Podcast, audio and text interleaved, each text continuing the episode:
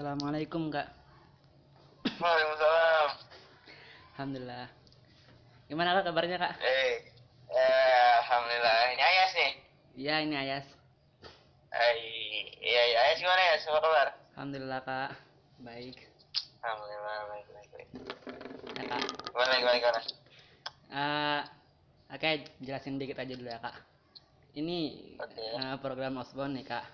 Eh, namanya Inspiratal gitu.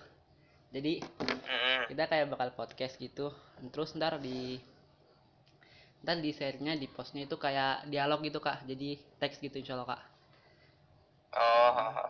Nah ini udah ada nih pertanyaannya nih kak Ah, dari udah dibincangin itu kan macam-macam ya insya Allah semoga aja kalau lancar bentar aja lah kak gitu iya santai.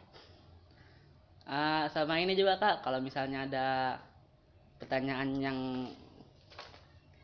apa yang bisa dijawab istrinya juga gitu kak pengen dengar suaranya juga ada yang pengen gitu kak Oh, istri, istrinya, istrinya lagi nggak di rumah nih? enggak enggak lagi Nggak tahu dah. oh gitu ya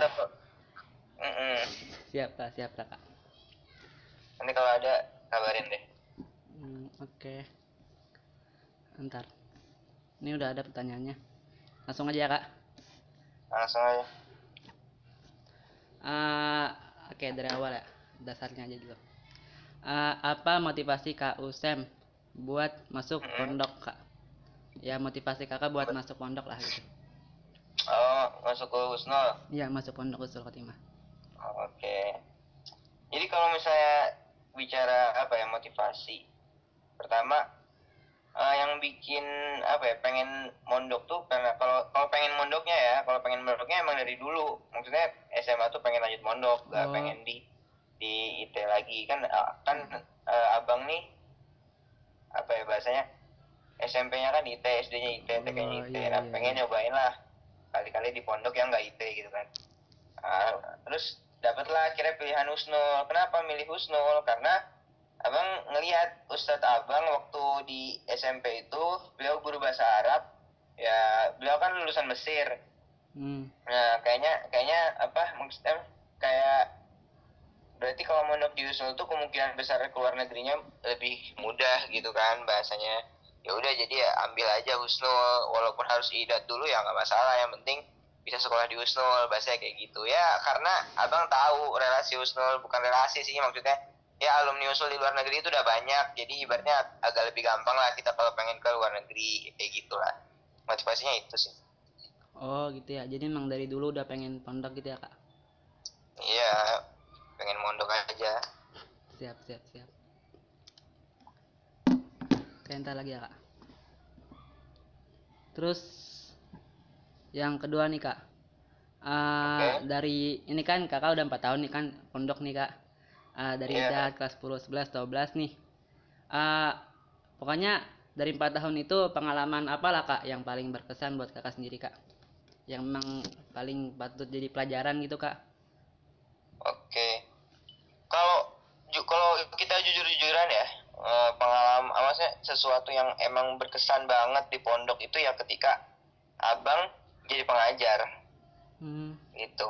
Karena dari pengajar itu ibaratnya ngebuka semua jalan eh ya akhirnya pengalaman-pengalaman lain tuh didapatkan ya setelah dapat ngajar itu. Jadi ketika jujur aja nih sebelum ngajar abang tuh nggak apa ya bahasanya tuh nggak nggak berani nggak berani apa ya nggak berani ngomong gitu loh Oh, gitu. nggak berani nggak berani public speaking nggak berani apa-apa gitu ya biasa kayak kayak santri-santri biasa cuman ya qadarullah Allah takdirkan jadi pengajar alhamdulillah di situ banyak belajar gimana cara kita sosialisasi sama masyarakat sama anak-anak sama temen. Kita ngatur organisasi ya akhirnya di situ kita ter- terlatih gitu kan terlatih. Akhirnya ya enak aja. Kalau siap, kalau disuruh ikut organisasi apa pun kita udah bisa eh, menyesuaikan karena udah terlatih banget nih pengajarnya. Dan jujur aja maksudnya yang ngebentuk abang di Usul tuh kebanyakan memang dari pengajar. Pertama karena lingkungan di pengajar itu orang-orangnya menurut abang ya menurut abang mereka itu teman-teman pengajar abang tuh ya baik-baik lah soleh-soleh.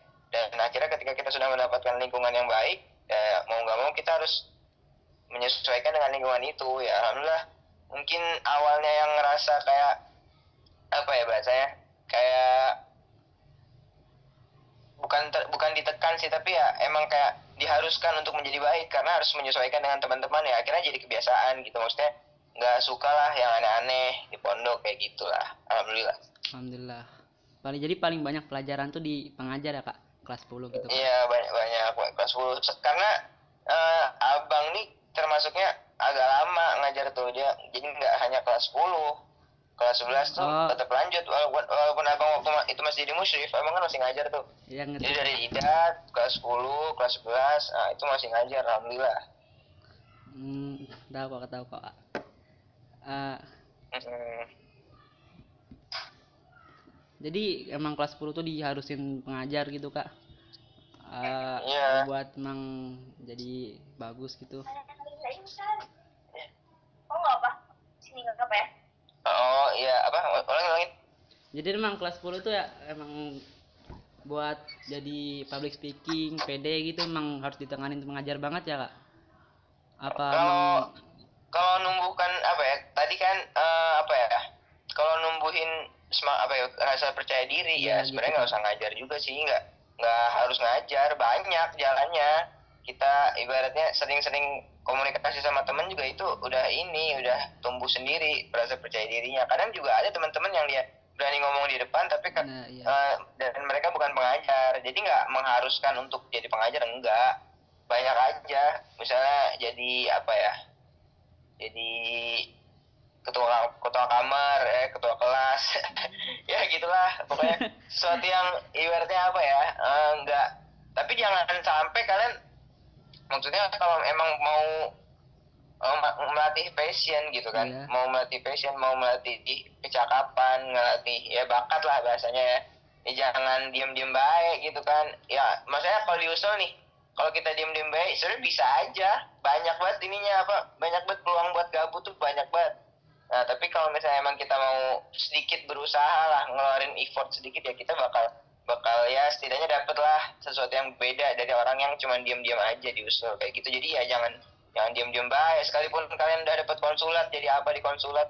Ya kalau konsulat mah ya bahasanya semua wajib lah dapet kan yang namanya konsulat mah. Nah, yeah, yeah, kalau yeah. bisa carilah sesuatu yang bisa jadi wadah gitu kan. Jadi wadah ente buat bisa ngembangin bakat-bakat ente gitu. Nah itu pengalaman aneh sendiri nih ya kak di kakak tuh diam-diam baik. Eh kurang tahu-tahu kan jadi ya tahu-tahu gini-gini aja udah kelas 11 gitu kak. Dari kelas 10 aja. Gitu. dari kelas 10 Walaupun aja kan, kurang uh, gitu. abang tahu kan Ayas tuh kan ini ya aktif ya termasuknya di tipa, di Tivan yeah, itu kan aktif yeah, kan? yeah. Sufuk itu nah itu kan masalah itu bukan masalah sih maksudnya ya itu juga jadi modal gitu buat si buat Ayas. Gak banyak loh anak Husnul yang dia telaten apa latihan uh, bela diri kan jarang banget walaupun yeah, emang yeah. yang yang daftar di awal banyak cuma yang bertahan sampai akhir itu kan sedikit banget karena hmm. Ayas ini kan termasuk salah satu yang bertahan konsisten buat latihan jadi ya ya mungkin di situ apa bakat Ayas gitu kan di apa bela diri itu. Ya, bagus aja sih sebenarnya. Ayas tuh bukan orang yang diem-diem aja kalau menurut abang ya karena oh. orang yang rajin ekskul tuh menurut abang tuh itu sesuatu yang apa ya sesuatu yang jarang gitu. Abang aja jujur aja jarang banget ekskul dulu waktu tarung derajat jarang banget. Nah iya, kalau iya. ngeliat jadi waktu ngeliat Ayas sebenarnya agak sedikit malu juga nih. Musyrif kok malah malah jarang olahraga malah aduknya lebih rajin gitu kan. Ya begitulah. Nah sibuk juga kok kau Sam udah ini Saka ngajar. Banyak gitu. Oke okay, ya uh, lanjut nih kak. Lanjut lanjut. Pertanyaan ketiga insyaallah uh, ini dari perjalanan pondok kak Usem nih ya uh, yang emang gak mudah yang udah dilaluin sama Bang Usem. Pernah nggak sih Bang apa? Usem? Ulang-ulang. Dari perjalanan pondok yang emang nggak mudah yang udah dilaluin sama Bang Usem. Pernah nggak sih Bang Usem ngerasa ngedown gitu? Ngedown banget atau ngerasa terpuruk banget? Kalau pernah gimana cara Bang Usem buat menyikapinya sampai bisa bertahan dan berhasil melewati phase itu? Kayak gitu kak. Hmm, pasti pernah ya santri, yang namanya manusia bahkan ya kita ber, gak berbicara santri deh. Yang ya, namanya ya, manusia ya. itu kan pasti ya Undun pernah. Nah kalau misalnya kita ke santri, pasti kan ada alasan-alasan tersendiri kenapa dia ngedon kan. nah cuman ketika kita sudah menjadi santri ketika sudah ketika kita sudah dipercayakan oleh orang tua gitu kan mondok nah, di ya di husnul lah bahasanya kan ya berarti di situ ada ada harapan besar kan ada orang tua buat kita semua yang disantrikan yang dipondokkan sama orang tua kita nah otomatis ketika kita lagi ngedon kita lagi capek lagi futur lagi apa ya udah. Kalau abang sih pertama uh, mikir orang tua gitu kan. Ini kita mondok uang orang tua. Terus tiket dari Kalimantan juga nggak murah kan. Itu pasti banyak banget yang dikeluarin sama orang tua. Nah kita masa uh, di Usnul cuman eh, bahasanya cuman dapat apa ya? Bahasanya dapat gesekan dikit aja langsung udah lama sampai nggak belajar sampai nggak ya sampai nggak ngapa-ngapain nggak ngaji nggak apa ya bahasa bahasanya kita otomatis sudah mengecewakan harapan oh. orang tua itu walaupun uh, orang tua nggak tahu sekalipun ya apa yang kita lakukan di pondok ya tapi harusnya kita mikir kan sebagai anak gitu kan uh, oh. kita harus mikir apa yang sudah gitu Allah ya, eh, orang tua kasih ke kita ya kita manfaatkan sebaik-baiknya itu kan maksudnya ketika ridho. Orang tua sudah sampai ke kita maka insya Allah ridho Allah juga sampai ke kita gitu kan. Makanya kalau misalnya kita udah menjalankan uh, apa ya bahasa amanah lah ya amanah dari orang tua itu ya udah insya Allah bakal gampang ngejalanin segalanya gitu di di pondok urusan-urusan pondok. Maka yang pertama yaitu kembali ke apa ya rasa tahu diri kita lah. Rasa tahu diri kita sama apa yang sudah diberikan sama orang tua gitu kan. Apa yang sudah Allah berikan kepada kita lewat orang tua gitu. Bahasanya gampang gitu. Jadi kita hmm. harus itu harus harus lebih rasa ya tadi sih rasa tahu diri sih gampangnya lebih sadar gitu lah kak ya. Sadar ya sadar lah karena kan yang gini masalah kayak gini nih misalnya. Coba Ayas ngeliat teman-teman Ayas misalnya yang kayak gimana gimana gitu yang suka cabut lah. Kan abang juga punya tuh teman-teman yang suka cabut. Iya, iya. permasalahannya apa coba kalau misalnya di ditarik ulur? Kan kalau misalnya di inilah bahasanya kalau misalnya dibahas permasalahan-permasalahan apa ketika mereka sampai mau gitu kan e, cabut sampai mau ini ini.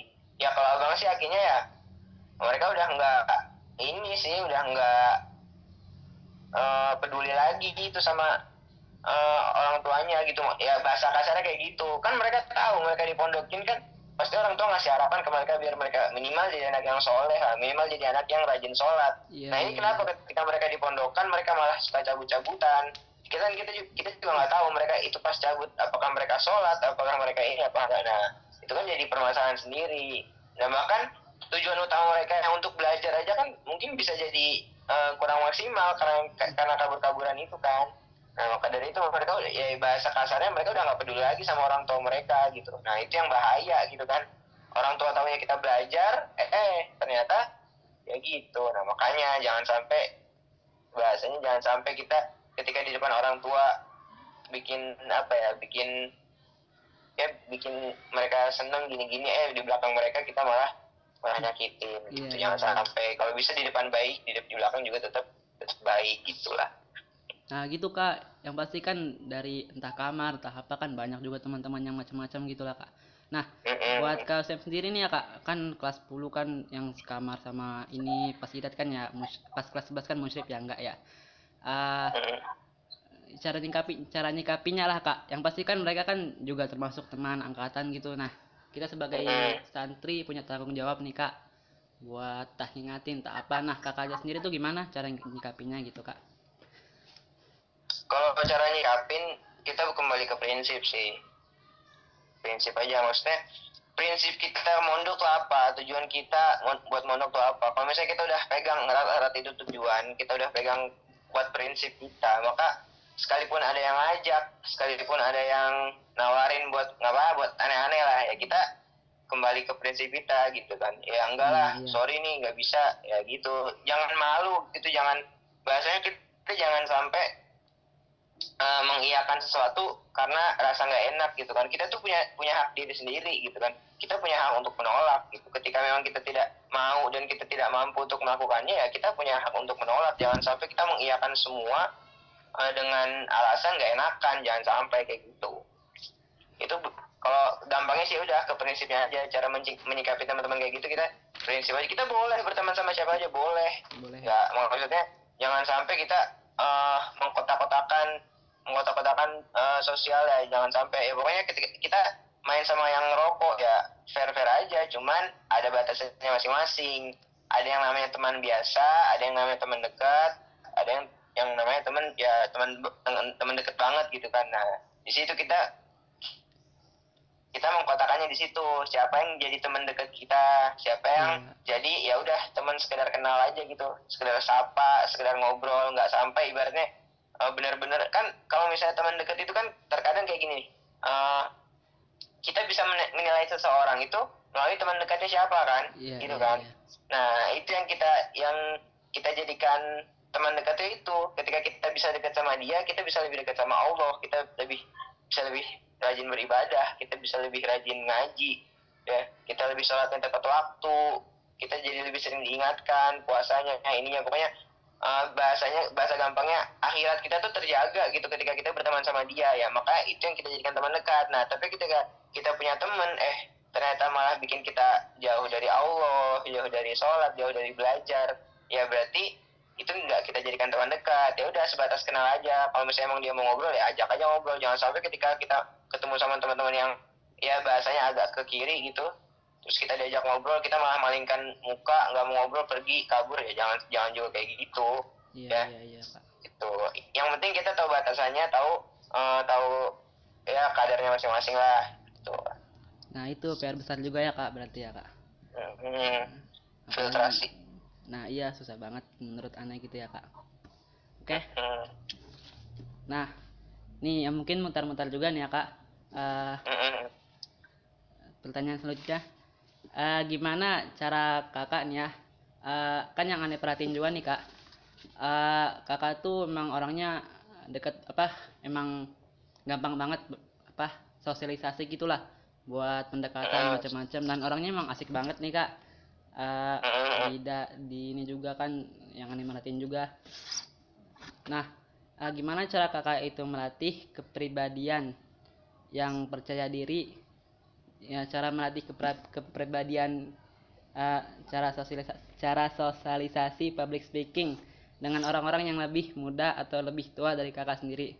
Ya gimana emang caranya nggak canggung caranya nggak cara emang selalu apa selalu masuk gitulah buat ya kayak gitu kak. Jadi kan kemampuan itu bisa ber apa ya bisa bisa ya bisa naik lah bahasa kualitasnya. Ya. kemampuan itu bisa naik kualitasnya ketika apa? Ketika sering dilatih ya kan kayak gitu kan? Nah, iya, ketika iya. sering dilatih. Nah ketika kita mau uh, ketika kita mau jago sosialisasi nih kita mau jago uh, bergaul sama orang ya otomatis cara kita buat bisa sampai ke situ ya apa ya bersosialisasi gitu kan? Jadi kita nggak diam-diam aja kita ngobrol sama orang. Sekalipun itu orang yang baru baru di baru apa ya baru kita ketemu. Jadi yang abang tuh pernah kayak gini. Waktu itu di kelas 11 itu ada anak baru di kelas abang. Pas banget. Oke. Okay. jadi eh kelas 11 eh kelas 11 eh kelas 10 kelas 10 kelas okay, 10 kelas waktu 10. Aresta. Aresta abang kan Aresta 14 ya berarti pas Aresta 13 tuh. Nah itu ada teman ada teman baru tuh di situ. Dia baru.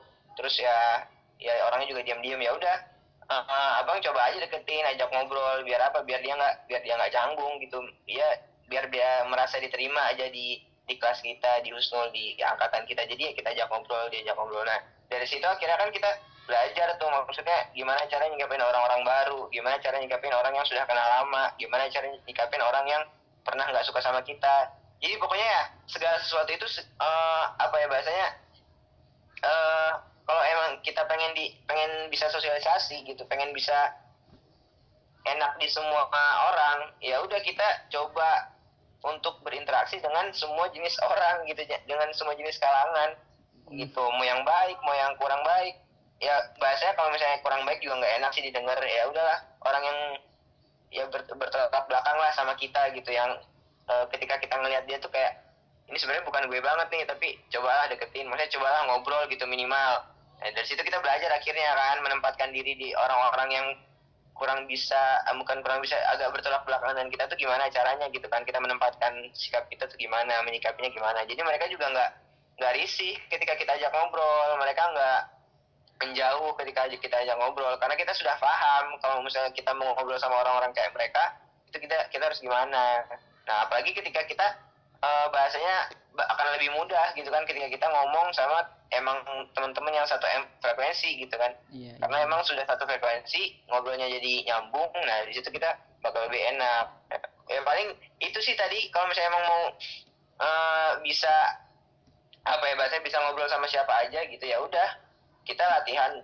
Latihannya banyakin banyakin ngobrol sama siapa pun gitu sharing lah berbagi itulah jangan sampai jangan sampai kita ngerasanya karena apa ya karena karena kita ini apa bahasa itu kayak misalnya kita sekarang ngerasa kita belum jago sosialisasi kita sekarang belum jago nah yeah. tapi kita bukannya malah latihan buat ngobrol, bukannya kita malah latihan buat berteman sama siapa pun, kita malah diam-diam aja, malah malu-malu terus.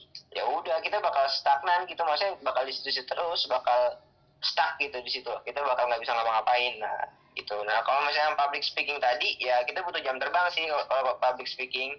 Kita butuh waktu yang nggak sebentar untuk melatihnya. Tapi emang ada sih beberapa orang yang dia cuma butuh waktu sebentar, dia udah bisa mengekspresikan dirinya di depan banyak orang. Nah, tapi kadang ada juga beberapa orang yang emang butuh waktu yang agak lama gitu untuk uh, sampai ke tahap dia percaya diri, bisa percaya diri untuk ngomong di depan banyak orang kayak gitu. Nah, kalau public speaking sih lebih ke lebih ke pembiasaan, jam terbang.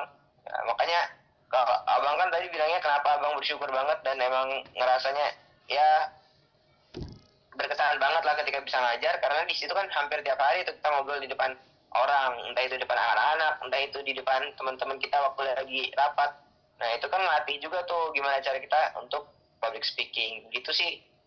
Dan untuk melatih public speaking nggak mesti ini sih nggak mesti harus kita bicara di depan orang banyak. Kalau misalnya masih mau latihan ngobrol aja tuh di depan kaca sama sama diri kita sendiri gitu. Itu kadang abang juga kayak gitu tuh.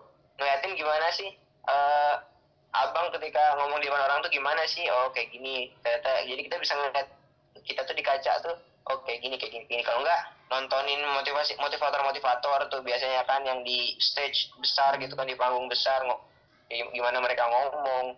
Ya udah insya Allah nanti bakal terlatih dengan sendirinya gitu. Oke kak oke kak ini kak masih kisaran setengah lagi nih kak. Nggak apa-apa ya kak? Ya oke. Kalau ada yang mau kakak tanya kalian juga nggak apa-apa kak. Silakan silakan. Iya santai santai. Nih uh, lanjut ya. Di luar pondok udah enggak insya Allah ini alasan apa? Pertanyaan mewakili yang lain juga. Ini alasan BHM kak. Alasan BHM alasan motivasi memang kenapa kakak memang pengen nyoba hal baru kayak gitu ya kak itu ya? Iya insya Allah itu. Oke. Okay. uh, eh, bahasa bahasa gampangnya apa sih? Apa yang bikin yakin aja gitu ya? Apa yang bikin yakin ngambil ngambil ini semua gitu kan? I... nah. Ya itu insyaallah. Atau ya itu ya. Nah motivasi lah bahasanya. Ya kalau kalau ba, ba, motivasi atau apa atau alasannya yakin nih?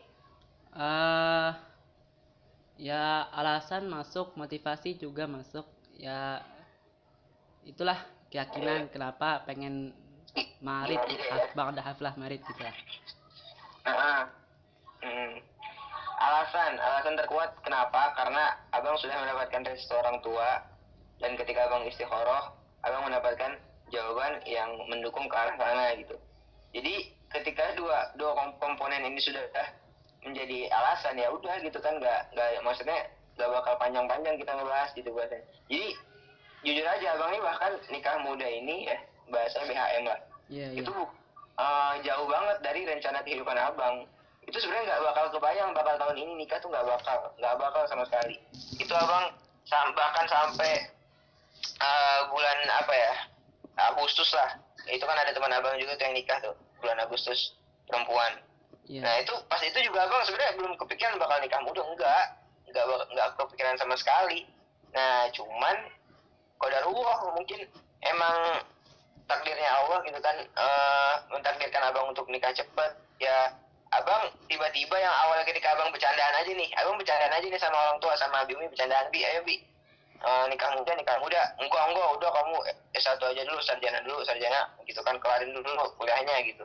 Ya ibaratnya abang di, si- di situ sudah punya gambaran oh berarti kalau misalnya emang nikah muda eh, nggak nggak diizinin lah bahasa kayak gitu. Nah tapi tiba-tiba eh, orang tua nyuruh malahan gitu kan. Ya udah Hmm. nikah aja nikah.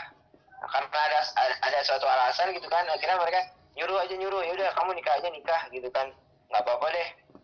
Ah, nikah muda juga gitu. Nanti bahasanya urusan-urusan yang lain mah gampang. Nanti kita yang ngatur yang penting kamu udah sah sama perempuan biar ada yang ngejaga lah bahasa kayak gitu ya udah akhirnya eh, karena emang udah dari orang tua juga ya ya udah kita akhirnya jalanin aja. Insya Allah itu yang terbaik gitu kan. Ya udah itu sih ah, alasan yang bikin abang yakin buat ngambil keputusan ini. Karena ada dukungan orang tua terus ketika abang istihoroh abang mendapatkan jawaban kalau lebih baik ke sana gitu.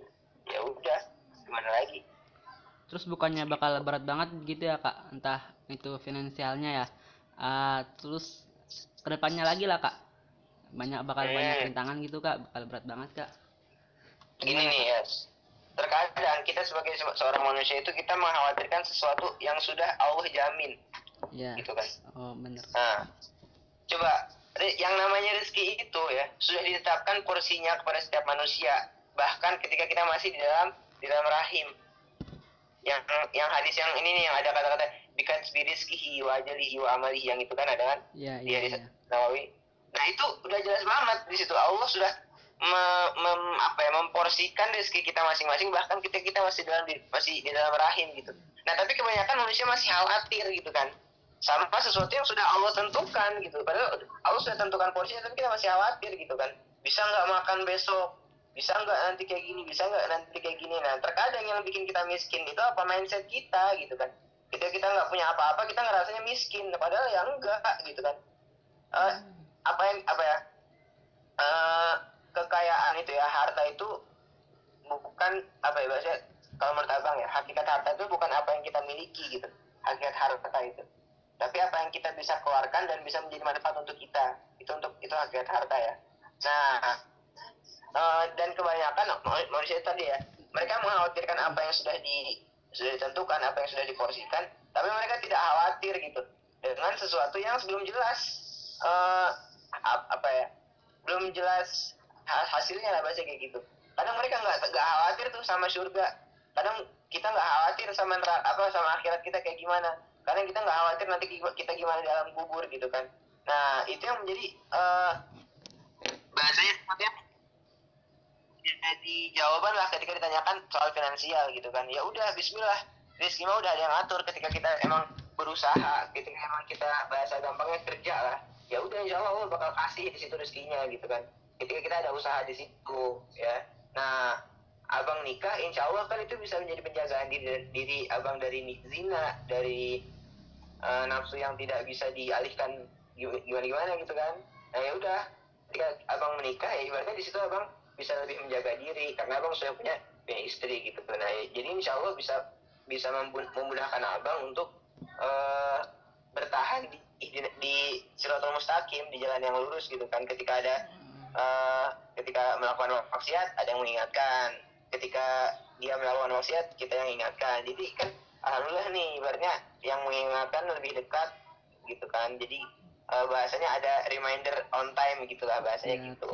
nah jadi insya Allah eh, lebih bisa menjaga permasalahan-permasalahan us- ya bahasanya gitulah urusan-urusan akhiratnya bisa lebih terjaga. Eh, tapi itu kembali ke masing-masing ke pribadi masing-masing sih. Jadi ya kita nggak bisa menya- menyamakan semua orang. Itu pasti ada ada ininya ada timbangannya sendiri lah ada timbangannya masing-masing. Ya tadi pokoknya kalau misalnya tadi ya nanya masalah finansial ya udah gitu kan. Yang sama kayak di surat apa ya abang lupa suratnya entah entah surat nuh atau apa gitu. Pokoknya eh, kalau di, kalau di, kalau diartikan kayak gini lah. Tapi ini juga artinya ya itu lah. Nggak nggak sesuai ya tafsirannya bahasa penjelasannya. Pokoknya ketika ada ada seorang pemuda gitu kan. Ketika ada ada seorang muda yang dirasa sudah siap untuk menikah ya pokoknya nikahkan. Nah ketika dia emang dia kurang maka akan aku cukupkan lah bahasa kayak gitu. Ada tuh per- apa ya di mana ya lupa. Eh, surat nuh apa, apa lupa. Iya iya iya. gitu. Tinggal dicari aja ntar. Jadi eh, jadi buat masalah finansial mah kita ya tapi yang namanya khawatir pasti ada sih di awal. Itu juga waktu abang disuruh nikah abang mengkhawatirkan. Abang apa bilang ke mertua abang jadi kayaknya katanya maaf pak tapi finansialnya saya masih gak jelas. Nah, tapi alhamdulillah mertua abang jawab gitu kan ya udah masalah finansial mah insya Allah bakal ada jawabannya gitu mah bakal ada jalannya lah. Masalah dunia mah ya pokoknya kita ingat aja kita itu diciptakan oleh oleh Tuhan alam semesta gitu kan menciptakan alam semesta yang maha kaya gitu. Untuk apa kita ragu? Kalau kita ragu sama rezeki kita nih kalau kita ragu sama apa yang kita punya apakah kita besok bisa makan apakah kita besok bisa ini gitu. Pokoknya kalau misalnya kita meragukan rezeki kita itu kita bisa dikatakan kita sudah mencela Allah juga. Karena Allah tuh sudah bahasanya sudah uh, apa ya sudah bahkan Allah itu kan nama salah satu nama Asmaul Husna itu kan ada Ar-Razzaq ya kan Maha Pemberi rezeki gitu. Nah, kita meragukan apakah kita akan mendapatkan rezeki. Nah, itu kita sudah mencela Allah secara tidak langsung gitu kan. Kita sudah mencela Allah gitu. Allah Allah Maha Pemberi rezeki tapi kita malah meragukan rezeki yang akan kita dapatkan. Padahal itu semua udah ada, semua porsinya masing-masing. Untuk apa kita ragu? Ya syaratnya apa kalau kita emang mendapat rezeki? Ya kita kerja, kita sedekah, kita saling kita banyak berbagi. Ya insya Allah rezeki kita lancar urusan kehidupan kita juga dipermudah. Dan yang namanya rezeki itu nggak cuma uang doang ya. Rezeki Iya, itu iya. nggak cuma doang orang apa uang doang. Kalau misalnya kita menyempitkan makna dari rezeki ya kita menyempitkan hanya kepada uang doang itu bakal sempit hidup kita gitu. Yang namanya rezeki itu bisa keselamatan bisa keberkahan. Yang paling penting di keberkahan ya. Banyak orang-orang di luar sana yang hartanya banyak banget ya tapi gak berkah hidupnya sengsara ya ngerasa nggak tenang hidupnya. Walaupun uangnya banyak. Nah tapi ada nih beberapa orang yang uangnya biasa aja. Uangnya nggak banyak. Bang bahkan bisa dikatakan sedikit. Tapi mereka bahagia. Mereka bisa menikmati hidupnya. Mereka bisa terus-terus sama keluarganya. Bareng-bareng hidup bareng. Sholat mereka enak ngaji mereka eh, rajin ya. Ibaratnya harta itu tidak menjauhkan mereka dari Allah. Nah itu yang dinamakan keberkahan. Nah hati-hati nih ya ketika kita punya banyak harta tapi justru membuat kita jauh sama Allah. Nah di situ ada ada ada permasalahan di situ. Nah jangan sampai kita meragukan sesuai apa ya masalah-masalah dunia itu kita nggak usah ragu lah. Udah ada yang jamin Allah udah jamin gitu. Yang penting syaratnya kita tetap dekat sama Allah kita tetap usaha ya insya Allah bakal gampang semua itu. Gitu. Oke. Lanjut nih ya, Kak. Eh, ya. eh, bismillah. Sekarang kan eh, Kak Usem nih udah punya tanggung jawab baru. Eh, gimana sih perasaan Kak Usem sendiri sekarang? Eh, merasa terbebani atau malah antusias dengan tantangan ke depannya nih, Kak? Oke. Mm-mm. Eh, yang namanya tanggung jawab ya itu bakal mak- maknanya akan berbeda eh, di setiap orang tergantung bagaimana kita menyikapinya gitu kan Iya, iya. yang yang yang simpel aja deh misalnya eh, kita dikasih amanah sebagai seorang anak ya. Otomatis kan anak juga punya tanggung jawab kan. Gimana cara kita tanggung jawab sama orang tua kita gimana? Nah kalau misalnya kita menyikapi kita sebagai anak ini adalah beban gitu kan. Nggak enak jadi anak. Apa diatur atur nah maka ke depannya kita juga nggak bakal menikmati gimana menjadi anak itu. Mungkin kalau misalnya berbicara tentang organisasi ya, kita diamanahkan menjadi musyrif gitu. Misalnya abang kemarin ya di- diamanahkan menjadi musyrif kalian. Kalau misalnya abang mikirnya beban ya abang nggak bakal nggak bakal nyaman sama kalian. Abang nggak bakal apa ya nggak bakal tidur di kamar lah pergilah gimana itu. Kalau misalnya emang abang ngerasa eh, ngerasa dibebankan. Nah terus sama ya sama juga nih sama tanggung jawab.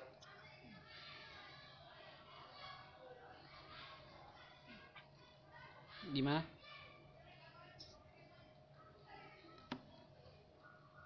tadi terputus. Oke. sama juga ya dengan eh apa bahasanya amanah yang sekarang ini tanggung jawab yang sekarang ini menjadi seorang suami gitu kan. Tergantung Ya, bagaimana ya. cara kita menyikapinya ya.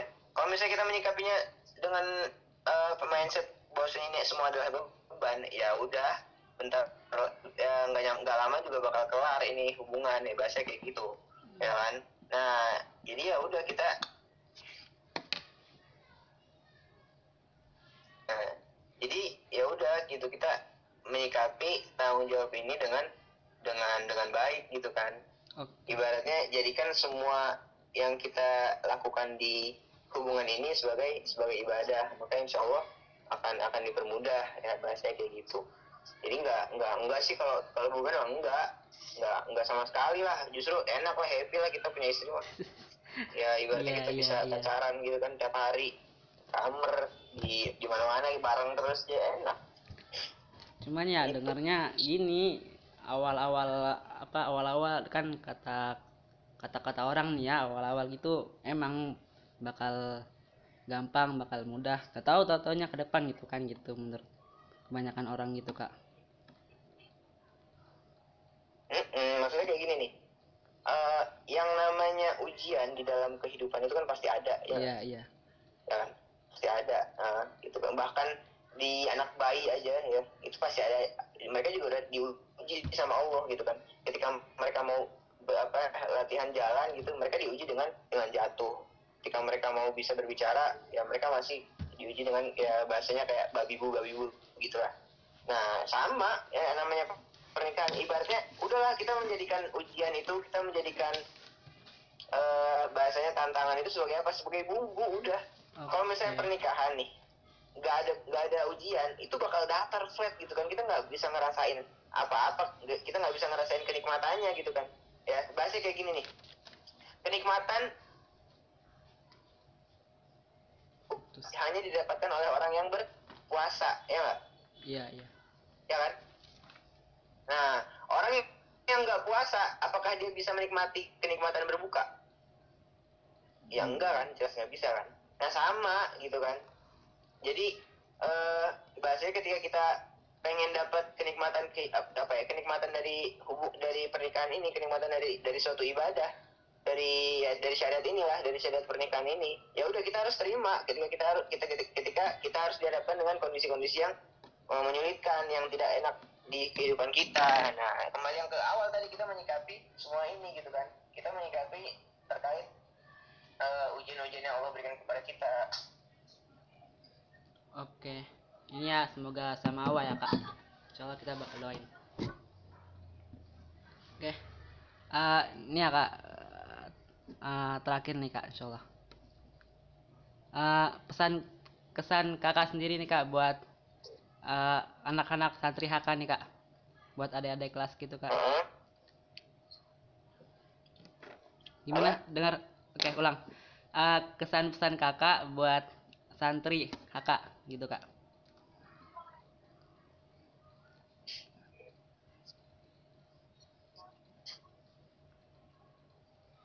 Tes kak.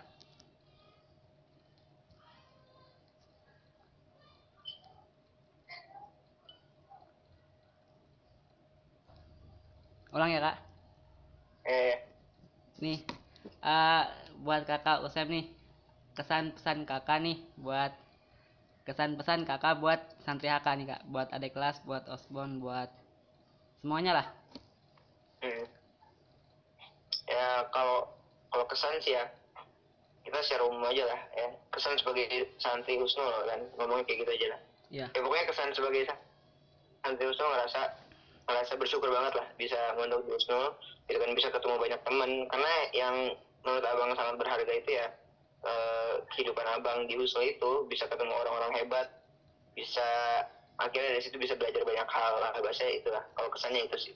Nah kalau untuk pesan ya udah kita sebagai santri mau ke mana pun kita ya mau kita udah pulang mau kita masih di pondok itu pasti bakal eh, tertanam lah ya yang namanya santri itu di di kita gitu kan.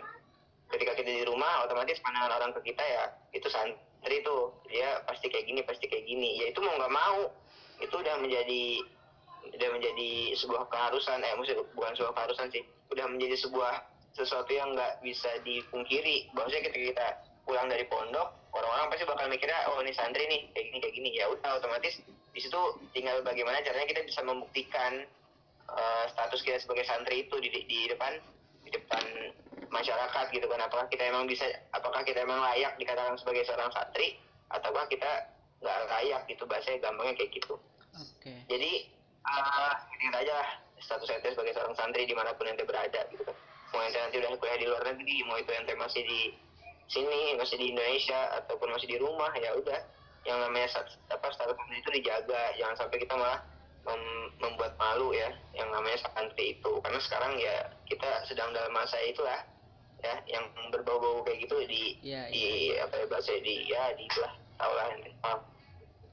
Oke. Udah lah mungkin udah lama banget nih kak. Maaf juga Oh, ngambil iya, waktunya nih kak.